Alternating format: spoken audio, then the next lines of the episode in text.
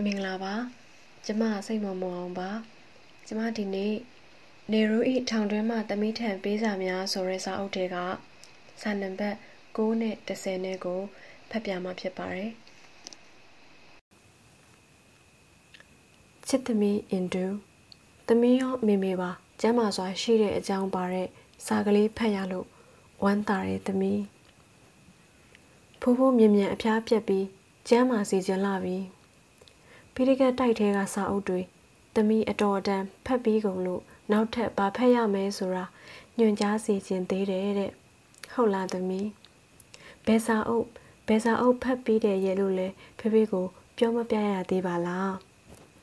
စာဖတ်တဲ့အချင်းဟာကောင်းတဲ့အလေးချင်းတစ်ခုပဲနှုတ်ပေမဲ့မြန်မြန်ဖတ်သွားတဲ့လူကိုတော့ဖေဖေတဲ့သဘောမကျလာဘူးစာအုပ်တွေဟာဖတ်လိုက်တယ်ဆိုရင် စင်စင်ဆဆနဲ့ဖြည်းဖြည်းဖတ်သွားတဲ့နဲ့ဖတ်လေဆက်ဖတ်သွားပါဖေဖေလည်းနေနေထောင်ထဲကနေပြီးသမီးကိုအကူကြီးတနိုင်တလောက်ပေးသွားမယ်ပေါ့ငါသမီးအခုလိုရုတ်တရက်စိတ်တဘောရာမြင့်မြတ်ရာပြောင်းလဲသွားပုံ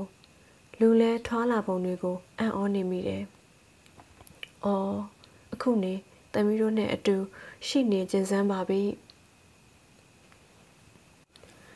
ကနေ့ဝန်တန်နာပြင်စမနေနော်။ຫນွေဦးပေါက်လာပြီပေါ့။တာယာမှုရှိတဲ့ဆောင်းရည်ကြီးလဲကုန်ခဲ့ပြီ။အေးဆက်ဆက်မြောက်လေတွေလည်းမပြန်တော့ဘူး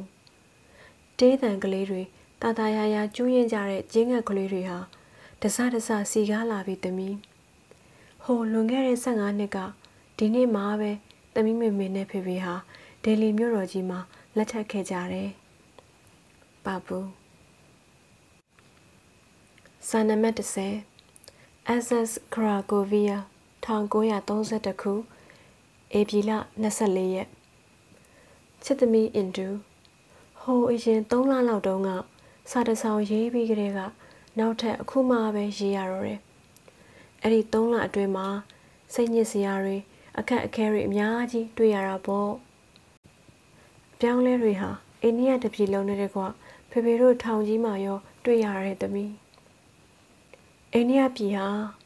အခုဖြစ်အာနာဖီဆန်ရေးတွေရက်စဲထားတော့လဲလက်ရှိတွေ့ကြုံနေရတဲ့အခက်အခဲဟာတာပြီးလွယ်ကူသေးတယ်။ဖေဖေတို့ကိုဟိုတရားကြည်ပြွန်တဲ့သားသမီးဖြစ်အောင်တက်သည့်လိမ္မာအောင်ကျွေးမွေးပြုစုပြိုးထောင်ထားတဲ့အကြီးမှုကြီးတယောက်ဆုံးရှုံးရတာအင်မတန်နစ်နာတာပေါ့သမီးရဲ့ဖေဖေနေနေထောင်ထဲမှာနေရတော့ကဇန်နဝါရီလ26ရက်နေ့ကိုတတိရတယ်အဲ့ဒီနေ့မှာဖေဖေဟာထုံးစံအတိုင်း သမီးစီစာရေးမလို့ထိုင်နေကြနေရလေးမှာထိုင်နေအရင်နှစ်တွေတုန်းကအဲ့ဒီရက်မှာပဲအိန္ဒိယတပြည်လုံးမှာရှိတဲ့တိုင်းရင်းသားတွေအားလုံးတော်ရုံမြို့ပါလွတ်လပ်ရေးနေ့ကိုစီရင်ကြတာပေါ့တန်ပေါင်းများစွာသောတိုင်းရင်းသားတွေလွတ်လပ်ရေးအတွက်တစ္ဆာပြုကြတဲ့နေထူးနေမြတ်ကြီးကတော့တတိမရပဲမနေနိုင်ဘူးသမီးအဲ့ဒီအခမ်းအနားပြီးတဲ့နောက် အခက်ခဲအဖုံဖုံဘေးဒုက္ခ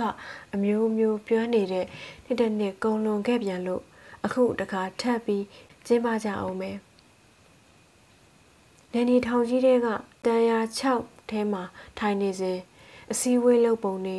စီတန်းလက်လဲပုံတွေဖမ်းကြစီးကြတပြည်လုံးမှာဖြစ်နေကြမှာတွေမြင်အောင်သေးတော့တယ်ဒါရီစိတ်ကူးနေတာဟာဝမ်းသာစရာမန်တက်စရာ စိတ်ကိုထိခိုက်စရာဖြစ်နေပြန်တယ်ဒီအတွေးတွေတွေးနေစဲမှာပဲအပြင်မှာဖိုးဖိုးတော်တော်နေမကောင်းနေတဲ့အတွက်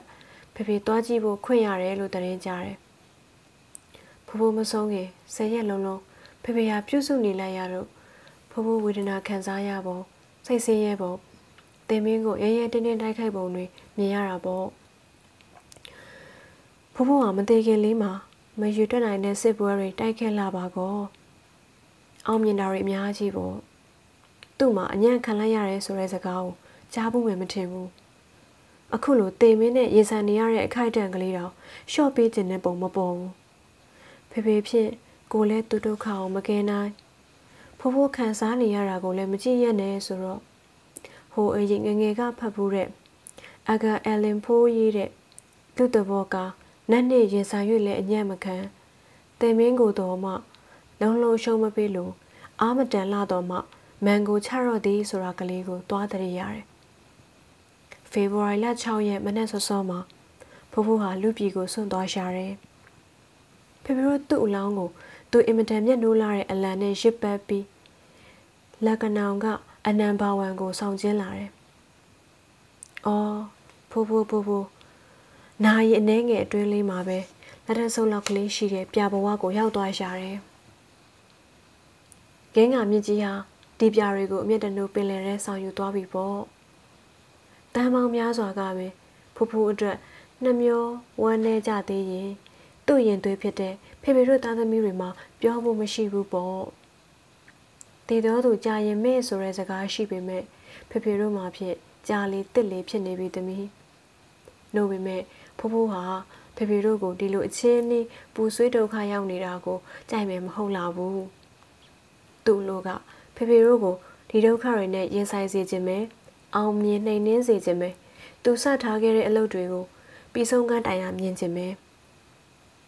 အမိအိန္ဒိယပြည်ကြီးကလန့်ရေးရဖို့အတွက်ဖေဖေတို့အမှုထမ်းအကူအညီကိုလိုလားတဲ့အခါမှာဖေဖေတို့ဘဲနဲ့အနားယူနိုင်အောင်မလဲဖဖိုးအသက်ကောဒီအတွက်ပေးသွားတာမဟုတ်လားဖေဖေတို့လည်းဒီအကြောင်းအရေးခံထားပြီးဆောင်ရွက်ရမယ်တိုက်ခတ်ရမယ် အသက်ကိုလိုရဆိုရင်အသက်ကိုပေးရလိမ့်မယ်ပေါ့ပါပူ